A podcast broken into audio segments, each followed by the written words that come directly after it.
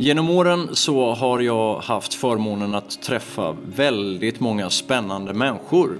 Inte minst genom eh, min intervjuserie, eh, min podcastserie som kallas Unika människor. Den har tagit ett litet break men eh, kanske, kanske börjar vi skruva upp volymen igen och eh, blivit lite taggade för en ny serie och då tänkte jag att det skulle passa väldigt bra att träffa de här två väldigt inspirerande och eh, glada människorna som har bas på södra Gotland. Och jag säger först och främst hej och välkommen till Emma Särner.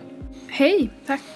Eh, det här är ju en liten speciell intervju. I normala fall så brukar jag prata med folk eh, som har en kanske idrottsbakgrund eller har gjort något galet eller sådär. Men ni är ju lite galna på ett annat sätt för ni driver något som heter Långmyrevineri. Precis. Vem är du? Bara berätta lite om dig själv. Eh, ja, men jag är eh, ursprungligen från Stockholm. Eh, jag är 28 år gammal och eh, jobbar sen de senaste, vad blir det, fem åren med eh, vin. Och de senaste fyra åren så jobbar jag med mitt egna vin. Eh, kommer egentligen inte alls från den världen alls. Dels som svensk så har man kanske inte så mycket eh, inblandning i, i vinvärlden om man inte är sommelier eller jobbar på Systembolaget. Eh, utan jag kommer från en helt, en helt annan värld. Men började intressera mig för vin eh, när jag var ungefär 22 och åkte till Italien där eh, intresset växte väsentligt. Och eh, vid din sida också som eh, kommer komma in lite senare här i podden har du Andrea Guerra som är också din eh, sambo. Och ni driver ju mm. vingården tillsammans. Precis. Vi träffades 2016 i Italien. Eh, vi jobbade på samma vingård. Han har lite lite mer eh, bagage med sig i form av vin än vad jag har. Eh, han är ju utbildad inom det här. Eh, så att, eh, han är eh, många gånger min, min mentor i det här nya livet. men vi jobbar sida vid sida och delar på, på allt ansvar som det innebär. Ja, vad spännande och roligt. Eh, vi ska alltså prata idag i den här podden om Långmyre vineri.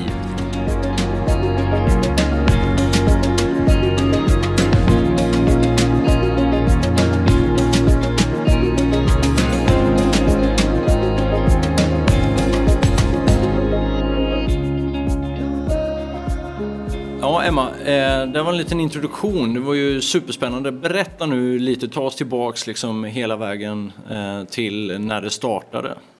Ja, men vi började fundera på den här idén efter att vi eh, hade blivit ihop i Toscana hösten 2016. Och började ganska oskyldigt fantisera om framtiden och vad vi ville göra. Och Andrea som redan var en utbildad vinmakare eh, hade en etablerad dröm om att driva egen vingård och producera i eget namn. Eh, jag var väl inte speciellt svårsåld på den drömmen direkt. Eh, vi har enats om nu i efterhand att han kanske utelämnade lite hur jobbigt det faktiskt är att driva vingård. Men där och då så, så blev det ganska snabbt en gemensam dröm. Eh, och den startade egentligen med att vi båda kom överens om att ska vi göra det här så vill vi driva det helt hållbart. Så hållbart det bara går. Vi vill inte vara en del av en negativ utveckling. Vi vill inte behöva växla om och, och ersätta någon slags produktion för att vi helt plötsligt blir tvingade eh, med nya klimatmål och sådär. Utan vi vill vara en del av förändringen istället. Eh, och därför blickade vi egentligen aldrig på Italien när vi, när vi tänkte på det här, vad vi skulle vara, utan eh, blickarna gick norrut snabbt. Inte direkt på Gotland, men av en slump nämnde jag mitt sommarställe som är på Sudret, på södra delen av Gotland. Eh, och eh, visste att där brukar det vara varmt, det brukar vara soligt. Det var ungefär så långt som min kunskap liksom räckte sig. Ehm, och Eh, där startade liksom hela drömmen och eh, allt gediget planerande som ungefär ett och ett halvt år senare resulterade i fem hektar vingård med 26 000 plantor planterade för hand. Eh, och nu sitter vi här fyra år senare med en första årgång och börjar landa lite i vad vi faktiskt har gett oss in på, tror jag. Ja, man ska väl också tillägga där att Andrea är ju från Italien och eh, ja. eh, han... Eh, eh, vi ska ju prata med han senare i podden här men det känns ju som en ganska järvt beslut att eh, fly den italienska liksom, vinkulturen och ge sig in i Sverige. Jag vet inte, hur, hur var reflektionerna kring det? Nej men verkligen. Det var ganska intressant när vi började eh, prata om, om det här projektet och eh, för varje dag som gick som vi, vi forskade mer och mer så visade det ju sig att det, det var inte så, eh, så galet som vi i början kanske tänkte att det var att odla i Sverige utan vi blev ju mer och mer självsäkra. Eh, och vi var fortfarande ganska nervösa när vi skulle prata med vänner och familj då i Italien och framförallt Andreas kollegor där nere som, som också är vinmakare när vi skulle säga vad vi hade planerat. Eh, för vi tänkte att om det är några som tror att vi är helt ute och cyklar så kommer det vara dem. Eh, och vi möttes av så otroligt mycket optimism när vi berättade det här. Eh, de svarade visserligen Gud vad knäppt, jag hade ingen aning om att man kunde göra det. Men wow, vad häftigt. Mm. Eh, de, de såg ju också möjligheterna av att flytta till en helt ny marknad med eh, oskrivna regler, eh, möjlighet till nya druvsorter, traditioner. Eh, det, det börjar bli bristvara på, på den sortens möjligheter i, i etablerade vinregioner. Så att, eh, det gav oss definitivt ytterligare en liten push att, att fortsätta. Gud vad spännande. Eh, det, det berättar lite om vad, och då är vi på årtal, ni började alltså, det var fyra år sedan ni satte första plantan ungefär? Ja, det här är vår fjärde sommar. Man räknar ju lite udda inom vinodling. Eh, så år ett är det året man börjar. Så 2018 blev vår, eh, vårt första år. Och nu eh, går vi alltså in i år fyra och eh, den andra skörden blir till i höst 2021. Kan ni inte bara berätta lite kort om liksom när man tar sig an ett sånt här projekt, liksom, var, för det första måste man ju ha land och ni har ju fem hektar som eh, ska odlas och eh, det går ju inte bara att sätta ner vad som helst i jorden där. Man måste liksom veta om det ska bli vin av det, måste man veta vad som funkar. Exakt. Nej, men det är väl det. Det är många som, som vi möter som är sådär, jag visste inte att det gick att odla i Sverige och det är väl för kallt och sådär. Men jag brukar säga att det är samma som med äpplen. Eh, det går alldeles utmärkt att odla äpplen både i Sverige och i Italien. Men vi odlar inte samma sorter. Men de blir lika goda och lika mycket äpplen för det. Så att det gäller att man eh, har en viss kompetens eh, för att kunna välja de sorterna som passar bäst för den här marken. Så det var väl det, det är det absolut viktigaste beslutet du kan ta när man ska starta ett sånt här projekt. Eh, att eh, göra ett grundligt förarbete för att se hur är jordmånen? Eh, vilka, vilka slags klimatförutsättningar finns det? Solexponering, Eh, luftfuktighet, nederbörd, allt det spelar in. Eh, I kombination med vilken ambition vi har för vilket vin vi vill göra. Eh, så att utifrån det så valde vi de fem sorterna som vi har idag. Eh, och det var absolut ingen slump. Och eh, de fem sorterna har ni nu planterat och det är någon form som jag förstår det, av en hybriddruva eller det är en mix av olika saker som ska passa bättre i det svenska klimatet?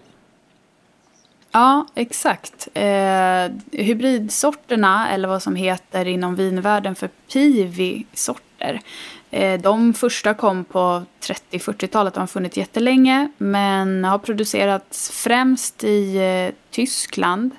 Eh, och är en korsning mellan två olika typer av vinrankor. Det finns ju väldigt många olika rankor eh, varav en är väldigt, väldigt bra för att göra vin på och den heter Vitis vinifera. Det är alla de sorterna vi känner igen. Pinot Noir, Chardonnay, Merlot etc.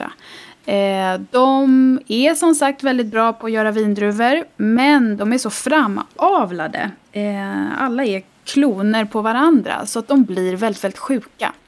Eh, och det innebär att man måste bespruta, helst kemiskt för att överhuvudtaget få ut en skörd.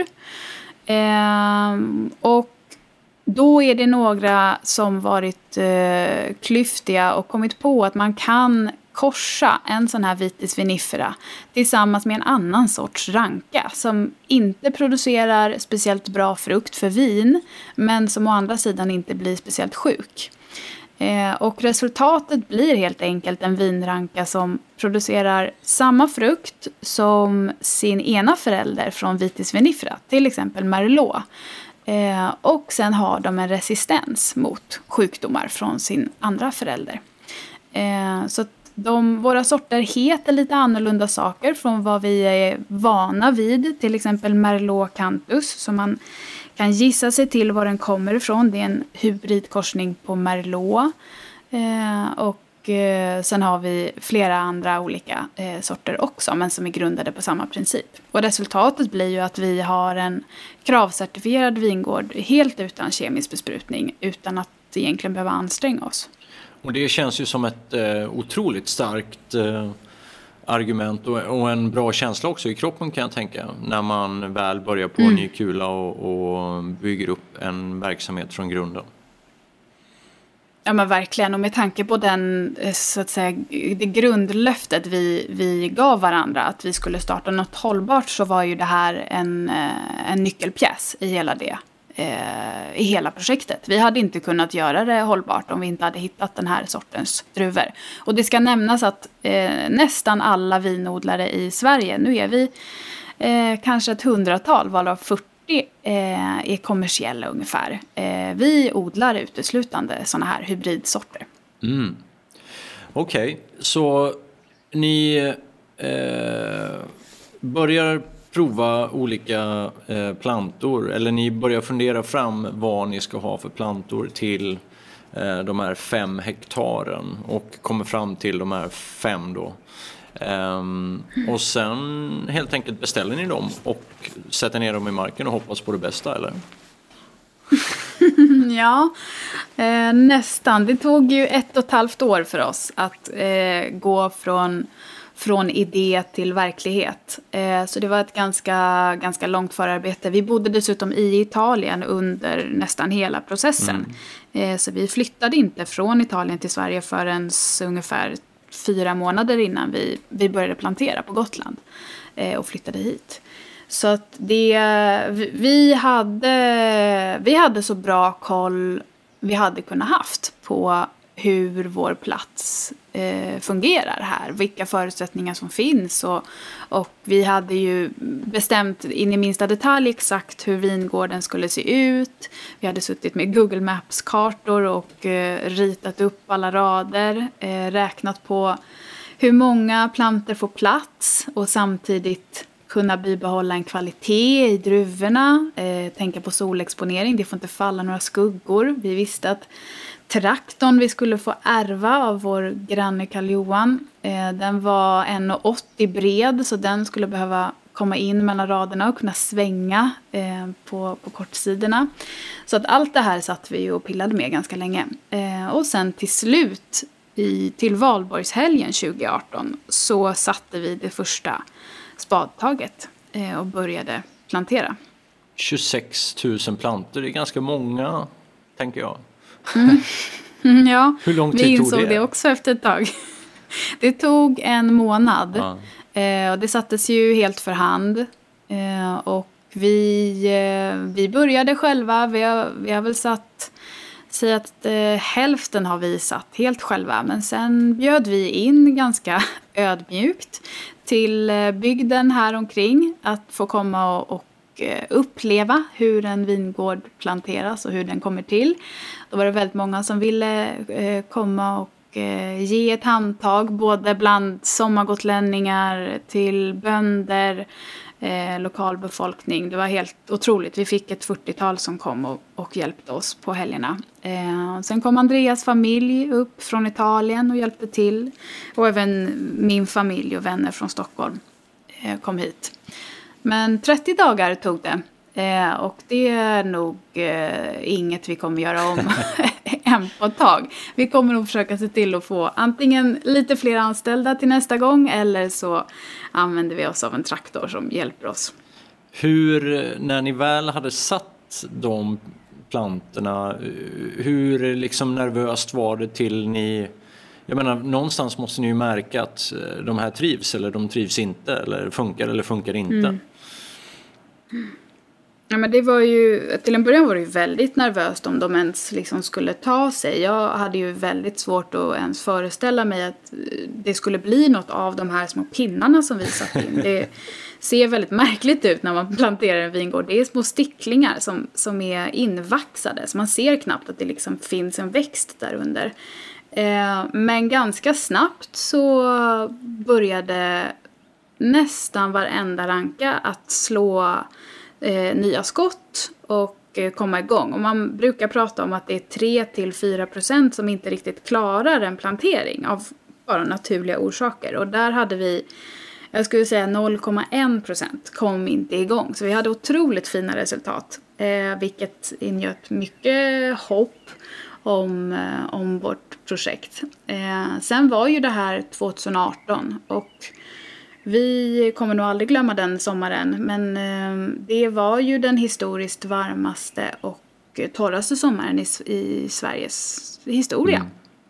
Eh, och eh, egentligen över hela världen så, så var det ju skogsbränder och extrema temperaturer. Eh, och det hade vi inte kunnat eh, ana faktiskt. Vi hade planerat för regn dag ut och dag in, kalla temperaturer, mycket blåst.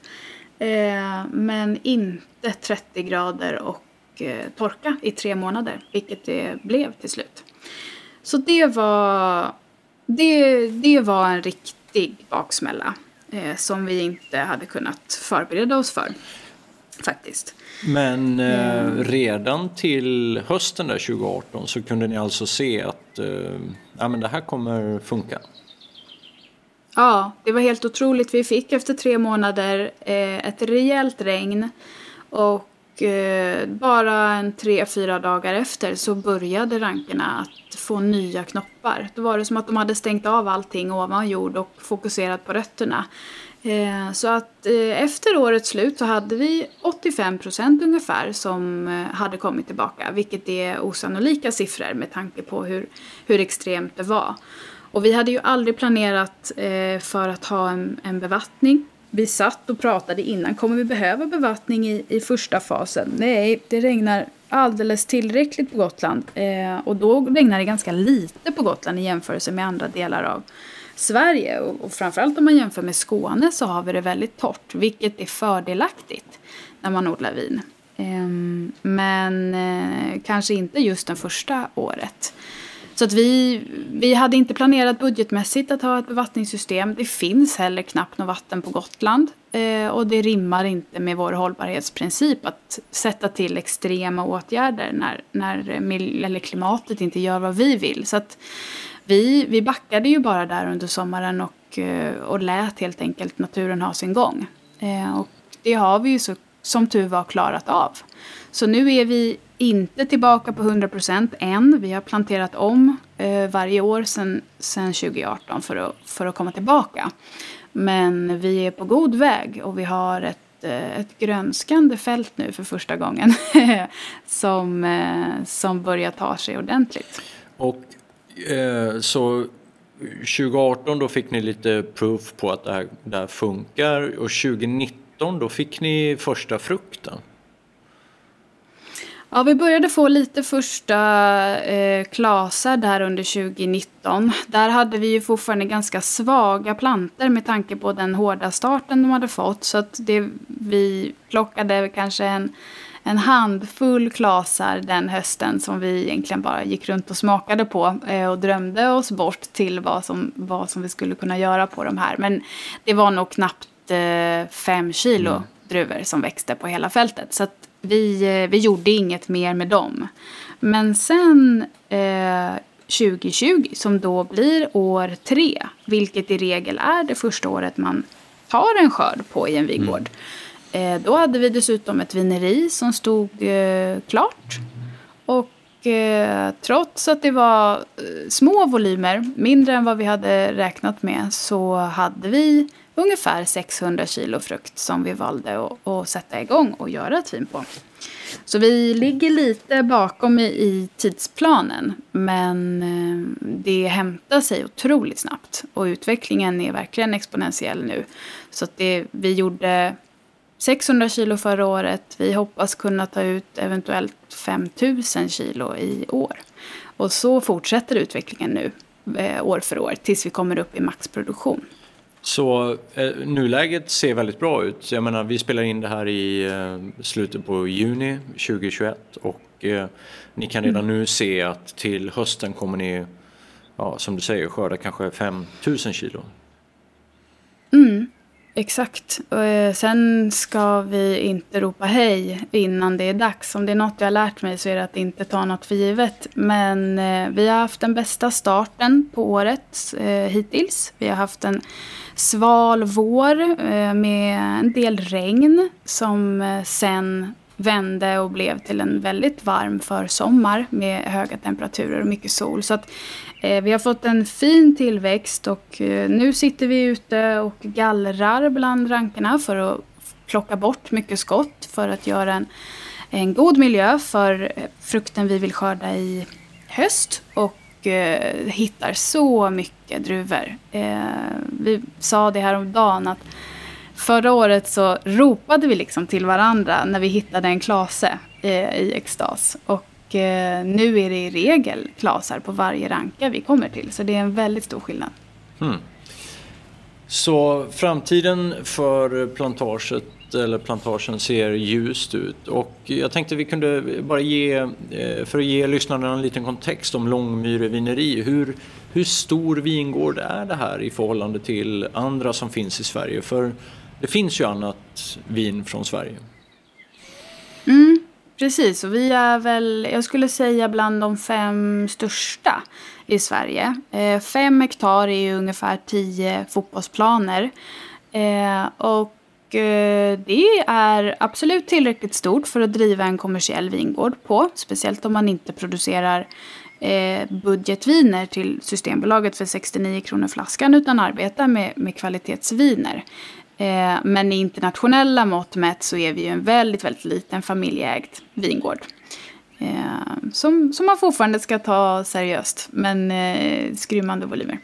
Och jag vet också att du är eh, nybliven ordförande, om jag inte minns fel, i eh, Svenska professionella vingårdar. Eller vad heter det? Svenska mm. vin... ja, det är ett väldigt långt namn. Sveriges eh, branschorganisation för önologi och vitikultur. Så för vinmakning och vinodling. Eh, så det är en nystiftad förening för eh, lite mer storskaliga yrkesodlare i Sverige.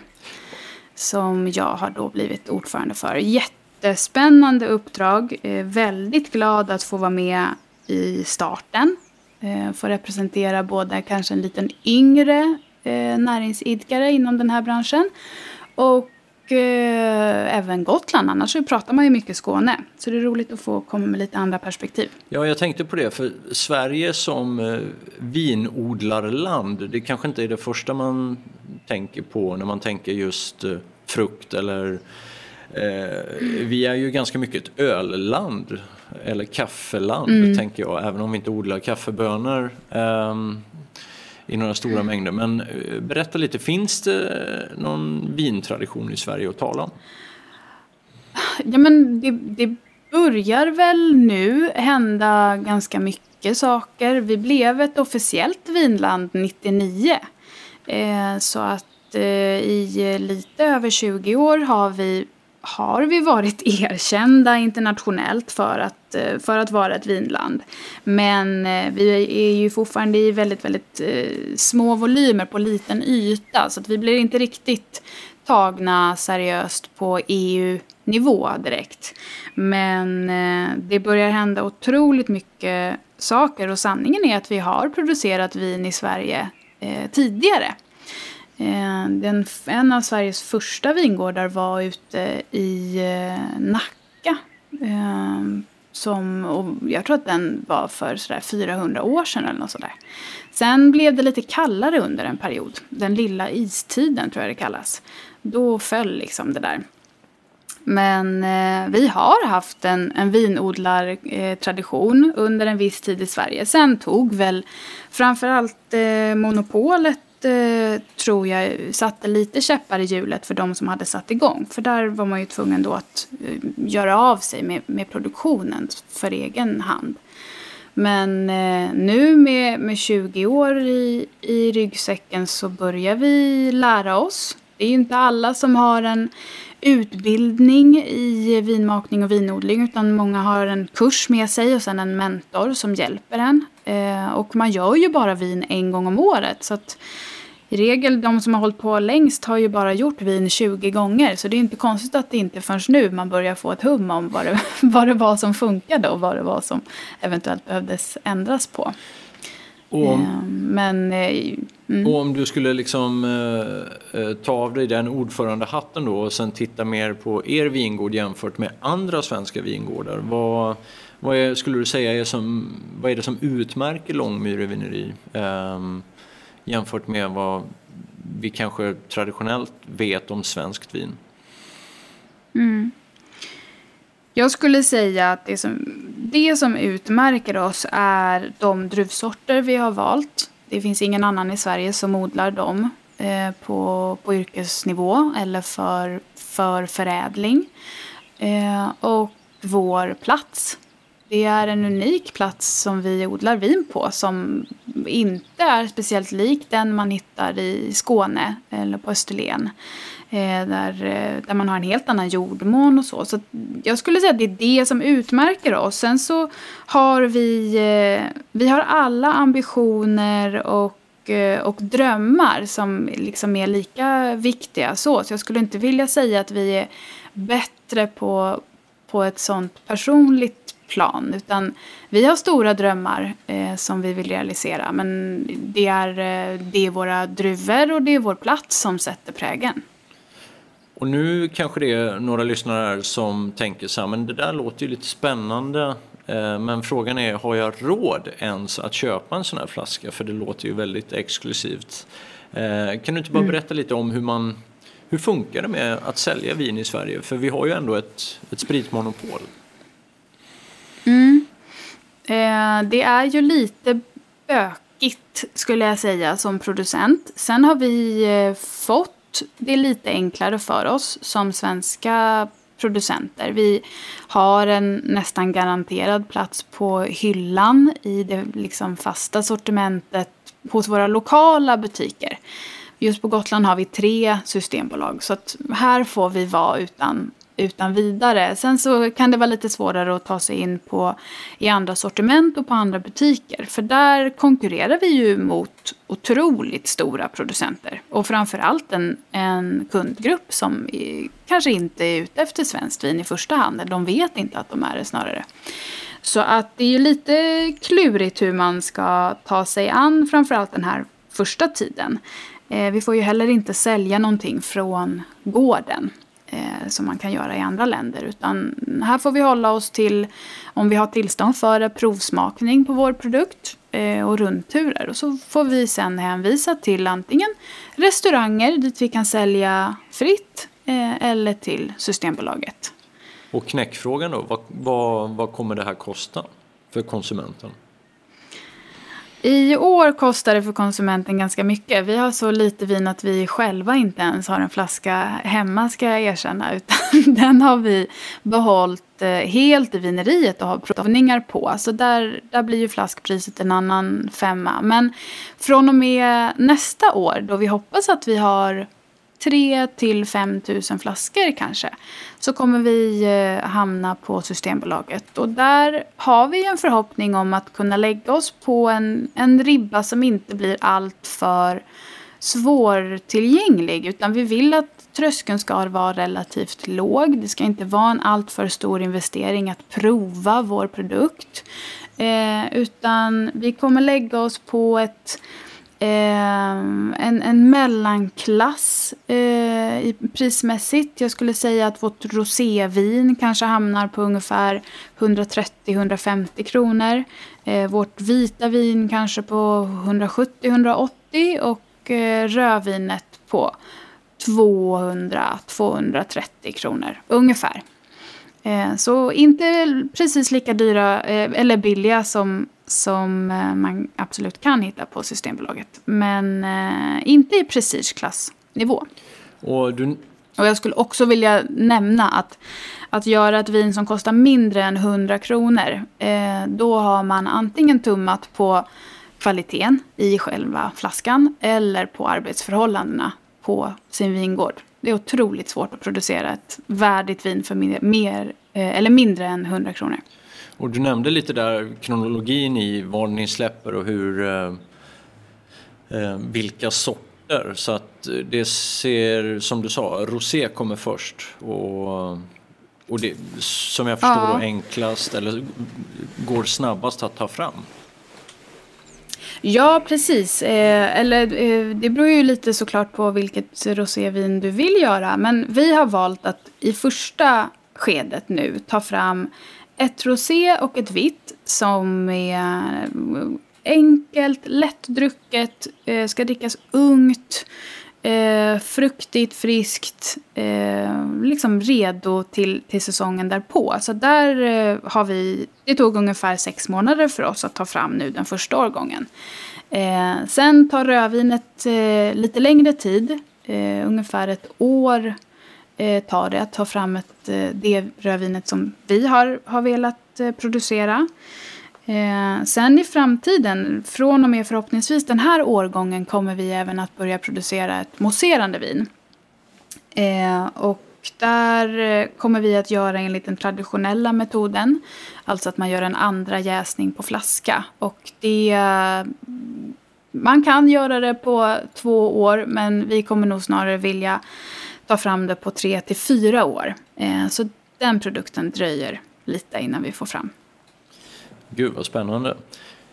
Du nämnde också eh, där precis när vi började den här intervjun att det har inte varit eh, allt för enkelt det här. Jag menar det har gått fyra år nu och ni måste ha slitit rätt hårt för att få det här att fungera. Kan du liksom ta oss tillbaka och måla upp någon bild av liksom eh, någon speciell stund som har varit riktigt tufft när ni har känt liksom att gud vad håller vi på med? Jag skulle säga den, den det absolut tuffaste mentalt var dels eh, ja, men i juli 2018 när det inte fanns ett regnmoln i eh, sikte och det hade inte regnat på två och en halv månad. Allt var upptorkat. Det såg inte ut att finnas något liv någonstans. Eh, då började det svindla lite för att bara tanken att göra om hela planteringen var otroligt eh, jobbig och tuff att, att tänka på. Vi visste inte om vi skulle klara det rent pengamässigt heller. Eh, den största investeringen är ju vingården.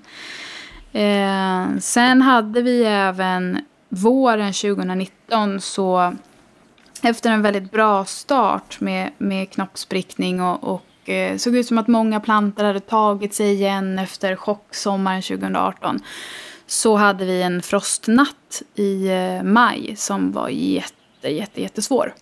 Som tog i princip varenda knopp som hade spruckit under den våren.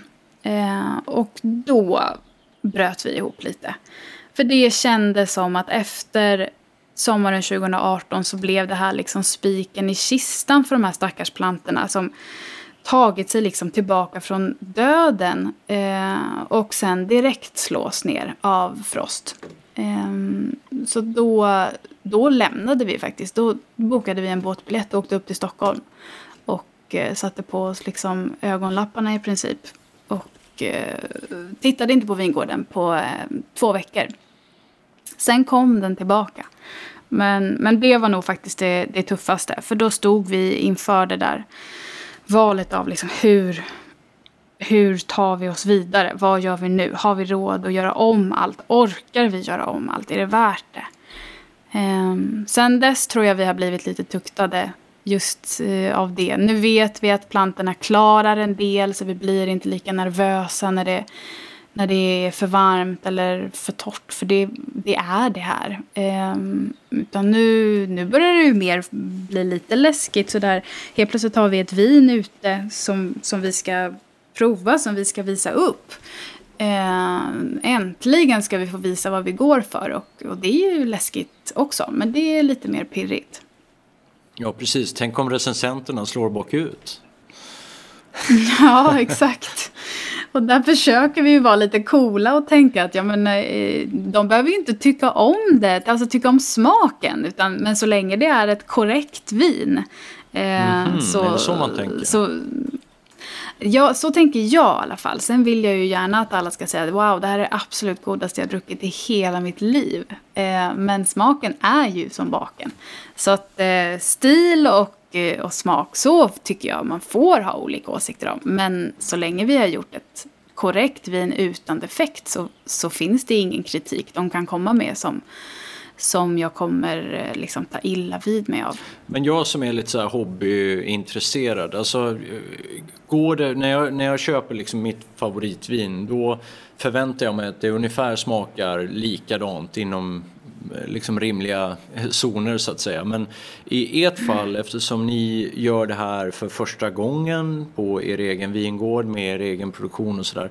Kan ni liksom, kan man designa om vinet år för år och liksom hitta sin grej? Eller hur, hur fungerar det?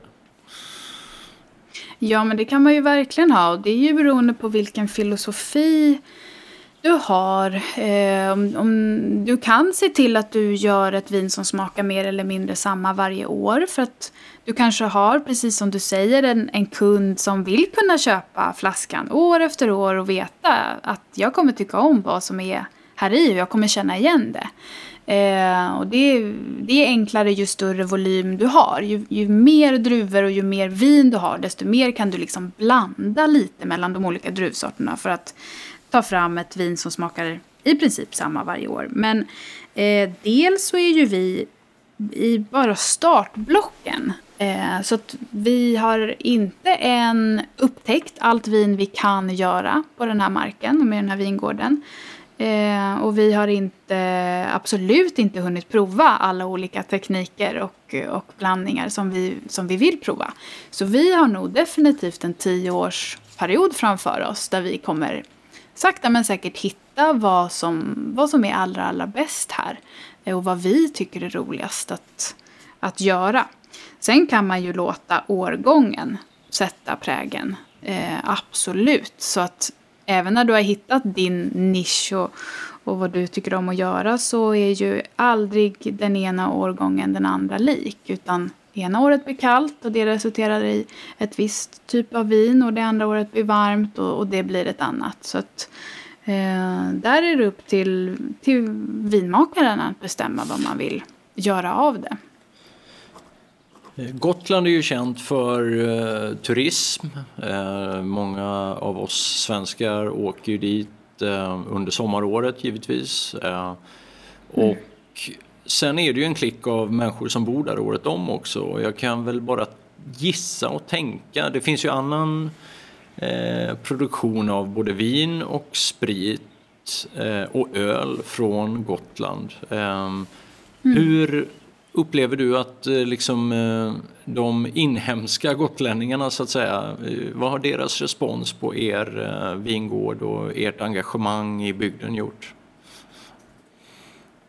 Jag tycker vi har fått jättefin respons. Vi var ganska nervösa ska jag säga. Eh, både innan vi startade och när vi väl hade satt igång. Att vi liksom skulle komma med något helt nytt jordbruk och göra något liksom knäppt mot vad, vad alla andra har gjort. Ehm, men, eh, eh, men vi har mötts av så mycket hejarop och optimism och oftast så handlar det inte så mycket om att vi har valt att göra vin här. De, de flesta struntar lite Eh, i just att det är en vinodling. Det är, det är, inte det mest spännande utan vad jag uppfattar det som så är det mer att vi är två unga personer som har valt att etablera oss på en ganska avbefolkad plats eh, och, och satsa på jordbruk. Eh, som, som inte alla väljer att göra idag. Eh, så att, vad, vad jag tolkar är att vi liksom inbringar någon slags framtidshopp på en sån här plats. Eh, vilket är otroligt fint och väldigt tryggt att ha med sig.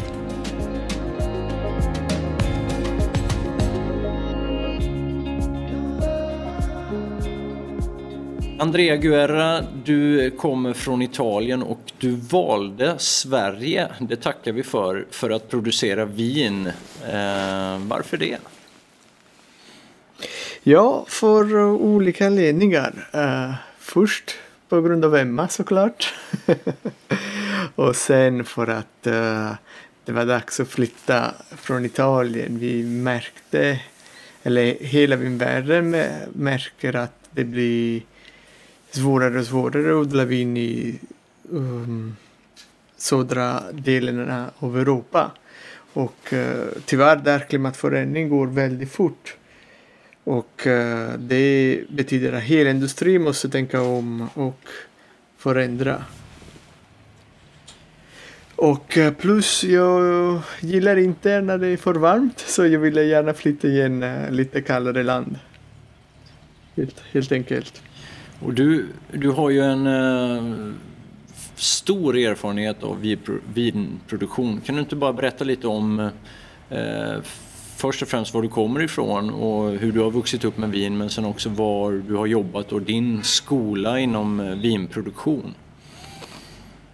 Ja, absolut. Alltså, eh, min första intryck med vinet började väldigt tidigt som eh, för många uh, unga personer i Italien. Men uh, i min fall, min pappa planterade en liten vingård uh, i, utanför Salerno där jag kommer ifrån i södra Italien. Och det är, ing, det är ingen kommersiell vingård, det är bara eh, som en kolonilott. Och uh, han fortfarande producerar ungefär 300-400 flaskor per år. För familjekonsumtion och som julklapp och så. Så vi har aldrig sålt eh, en enda flaska. Men där började allt och jag var tio år gammal och i början det var bara lite jobbigt för mig att följa pappa och hjälpa till. Det var svettigt och varmt. Och um, efter ett tag, eh, det, jag tyckte det var roligare och roligare så att efter eh, flera år tog jag nästan över uh, hela, hela grejen. Åtminstone i, i vineriet. För att min pappa är väldigt duktig i vingården men inte så noggrann i vineriet där man måste jobba rent och fint. Och, men det var det, det var inte mer en uh, eh, jätterolig hobby för flera år. Men sen, uh, det var 2007 eller 2008, det, um, en uh, enologi Bemakning av vinodlingprogram startades i Neapel universitet. Det är en bachelor degree. Och alltså jag tyckte det var väldigt roligt. Jag hade en helt annan karriär. Men uh, det här var, uh, alltså det, det, det låter väldigt spännande så jag gick tillbaka till skolan och började plugga igen. Och så tre år efter fick jag examen och började och, um, resa så mycket som möjligt och göra vinna runt världen för att um, göra vin i olika länder med olika stil, i olika klimater och så. Så först reste jag direkt till eh, USA lite för att to chase the American dream. Så jag um, gjorde två skörd på östkusten som är inte jättekänd här i Europa för viner men det är ett jättestort vinområde med jätteduktiga producenter. Så jag var först i Virginia och sen år efter i Maryland. Uh, goda, goda viner där. Och sen efter det åkte jag till Nya Zeeland där jag fick min första jobb som supervisor. Det var riktigt roligt i en, i en stor, stor uh, vinindustri. Det var en gigantisk, gigantisk vineri. Och efter det åkte jag till Frankrike, Chablis. Och I fell in love med Chablis. Det är den godaste viner jag, jag mm. vet. Mm. De är så, så, så goda. Och sen efter det så fick, fick jag lite hemlängtan så åkte tillbaka till Italien. Först i södra Italien där jag kommer ifrån mer eller mindre. Uh, och sen flyttade jag upp till uh, Toscana där jag och Emma träffades. Så en ganska roligt långt resa. Och vad är det med vinmakeriet som du älskar? En gång till, förlåt. Vad är det med vinmakeriet som du älskar? Alltså, det är först det är många, många timmar utomhus ute i vingårdar. Uh, och jag älskar att vara utomhus. Och sen det vad jag, tyck, vad jag gillar mest är att när det väl det, det, det är både vingården och vineriet. Det är en perfekt blandning av uh, uh, kunskap och uh, science. Mm. Och din person personal touch och lite alla ser konst men jag tycker att det är kanske lite för pretentiöst att säga konst men sin personlig, personlighet och uh, stil.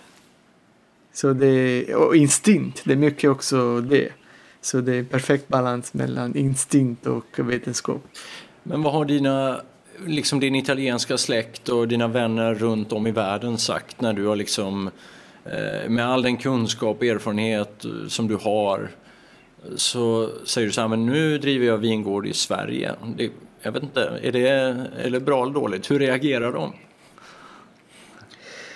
Ja, det, de tyckte att det var ganska knäppt såklart.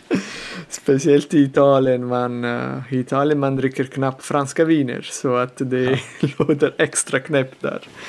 Eh, så att eh, det var bara folk i branschen som fattade hela grejen. Men mina föräldrar, mina kompisar, de tyckte bara det var spännande men också lite eh, out there. Lite extra konstigt.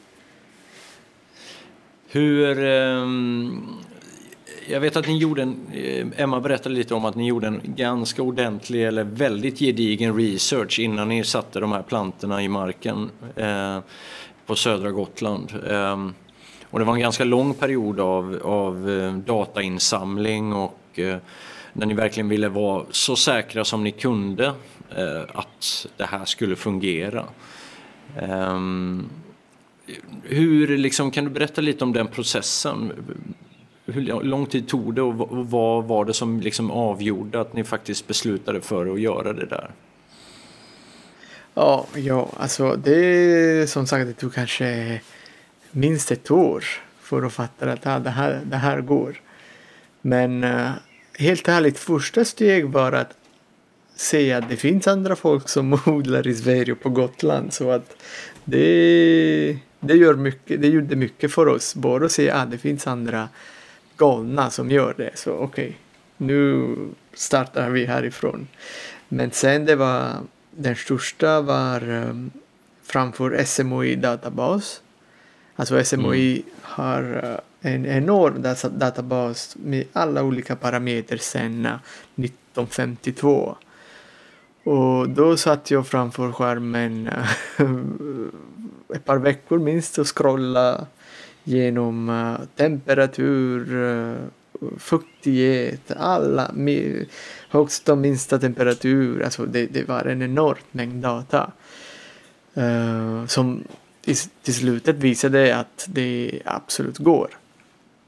Och sen det var också en del uh, research med mark där vi gjorde alla möjliga analyser till, till jorden.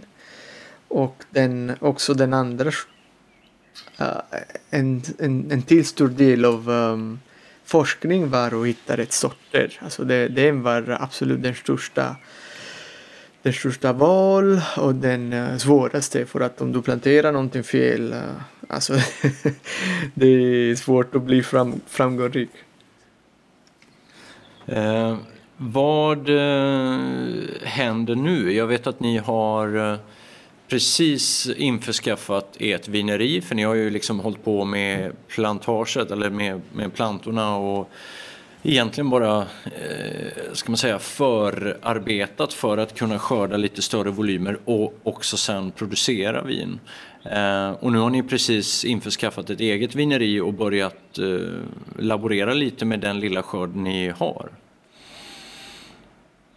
Ja, uh, alltså det här är så kul, äntligen här en produkt.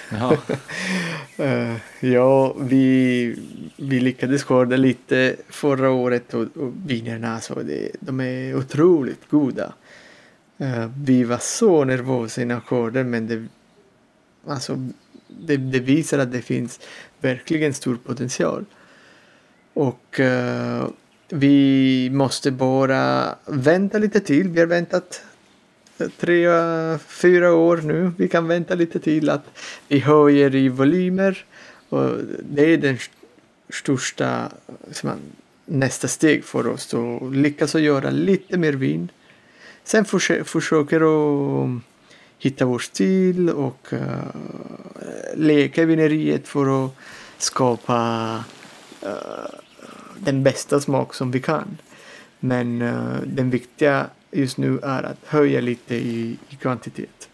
Så och det betyder mest att vänta plantorna blir äldre och uh, treat them well. Ja. Så din målsättning måste väl ändå vara på något sätt att överraska dina italienska kollegor och eh, familj med ett eh, otroligt ett eh, gott vin av eh, högsta möjliga kvalitet. Hur ser du fram emot den där dagen?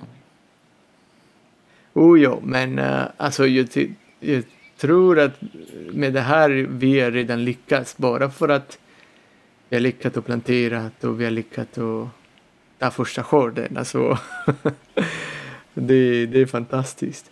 Men uh, redan med de här viner, alltså jag är så stolt Eh, över dem. Och grejen är att speciellt Alltså, du, vi har planerat så mycket som möjligt och forskat så mycket som möjligt och vi visste att på pappret det här funkar. Men sen eh, tills du pressar druvorna och börjar jäsa saft, saften. Tills den här moment, du vet inte riktigt. Så att uh, um, vad, vad, vad det var kul att säga är att det, det behövs det inte någon speciell konstighet i, i vineriet att uh, ta fram jätte, jättegoda viner. Så, så att, alltså, nu, nu tar jag en liten sideway. Men uh, det, det absolut visar att det, Sverige kan vara en villand och det kan finnas också på kartan så att det är inte bara att uh, imponera föräldrar och, snäck, och släkt med förhoppningsvis hela italiensk befolkning. Bra. Ja, det är roligt att eh, eh, du som, och Emma givetvis, har varit runt så mycket och, och eh, Eh, arbetat i branschen eh, vågar ta sig an en sån här utmaning. För det är klart att det kanske inte är helt, helt självklart.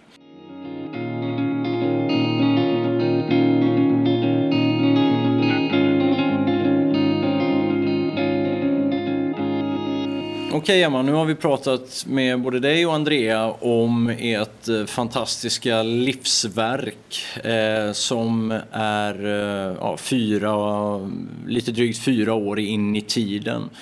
Hur, eh, hur ser du på framtiden och hur ser ni på er framtida produkt? Och jag vet att du har sagt någon gång när vi har pratat att du skulle gärna se Långmyre vineris vin serveras på Nobelmiddagen i, i, i Blå hallen. mm, det, det står absolut på bucket list. absolut. Eh, och jag Nej, men jag eh, ser fram emot framtiden. Jag har fått en sån eh, ny, ett nytt perspektiv på tid sen jag började med det här. Eh, det, numera planerar vi ju allt årsvis. Det är liksom aldrig kortare än så. Eh, och så helt plötsligt är livet så långt på något sätt. Eh, och vi, bara de plantorna vi har planterat nu, om vi behandlar dem väl så står de i 50 år innan det är dags att plantera om. Så att dels så ser jag fram emot att vi har skapat ett, ett, eh, ett verk som, som kommer gå i arv i, i generationer. Eh, det är inte vi som kommer plantera om våra rankor och, och, eh, och fortsätta jobba här efter 50 år utan det är förhoppningsvis generationen efter oss. Eh, sen ser jag fram emot att få expandera i dagsläget har vi inte varken ekonomin eller orken att eh, bli större just nu. Men jag ser fram emot att, att få bli större. Dels så har vi ytterligare tre hektar som ligger i, i anslutning till vingården som vi kan expandera till. Eh, och det finns mer mark här på Gotland. Och jag skulle gärna, jag skulle gärna bli störst i Sverige om jag ska vara helt ärlig. Mm. Det är väl en jättebra ambition, det tycker jag vi tar hand på. Och eh, säger så. Sen tar vi en avstämning ganska snart igen. För det känns som att eh, om ett år, om man tänker sig att vi planerar årsvis här, så kommer det ha hänt jättemycket. Dels kommer ni ha släppt produkter på marknaden och ni kommer ha fått mm. lite eh, recensioner förhoppningsvis och eh, så får vi se hur det har gått det här kommande året. För nu är ju liksom lite sådär eh, vad ska man säga, målsträckan på den första etappen om man säger så. Nu ska ju produkten ut. Verkligen. Mm. Absolut. Och nu, på ett sätt känns det som att vi har liksom har, har tagit det första klivet eh, eftersom att vi har i dagsläget har vi ett rosé som är färdigt som vi håller provningar på och gör rundturer. Eh, så där har vi liksom bara dragit av plåstret och kastat oss oss ut. Eh, så har vi ett vitt vin som vi lyckades göra 120 flaskor utav. Eh, och eh, för två vintrar sen så gjorde vi en ny emission i, i vårt eh, företag för att ta in mer kapital och kunna investera i framtiden. Och då blev vi ungefär 100 aktieägare så att de kommer få möjligheten att köpa en flaska var. Eh, vilket också känns eh, pirrigt och, och nervöst. Att, eh, där, under provningar står vi ju där och kan berätta alltihopa men, men sen ska de sitta med en flaska hemma i, i soffan eh, utan oss. Och det, det känns nervöst också. Så att, jag känner att vi har tagit ett nytt kliv. Eh, vi, har inte, vi sitter inte bara och, och eh, sliter i vingården utan nu, eh, nu har vi någonting, vi har en produkt, vi vet vad allt arbete resulterar i och det är en stor skillnad. Superkul att eh, prata med dig och Andrea och eh, superspännande att höra om ert projekt Långmyre vineri som man också kan, som jag förstår, besöka under sommaren och kanske en bit in på hösten och göra rundvandringar och prover också kanske? Absolut, precis. Vi tar emot eh, bokningsförfrågningar löpande eh, under hela året. Så det är bara att gå in på hemsidan och välja den rundturen som ser mest spännande ut. Och eh, klicka på knappen boka så är man ett steg närmare oss.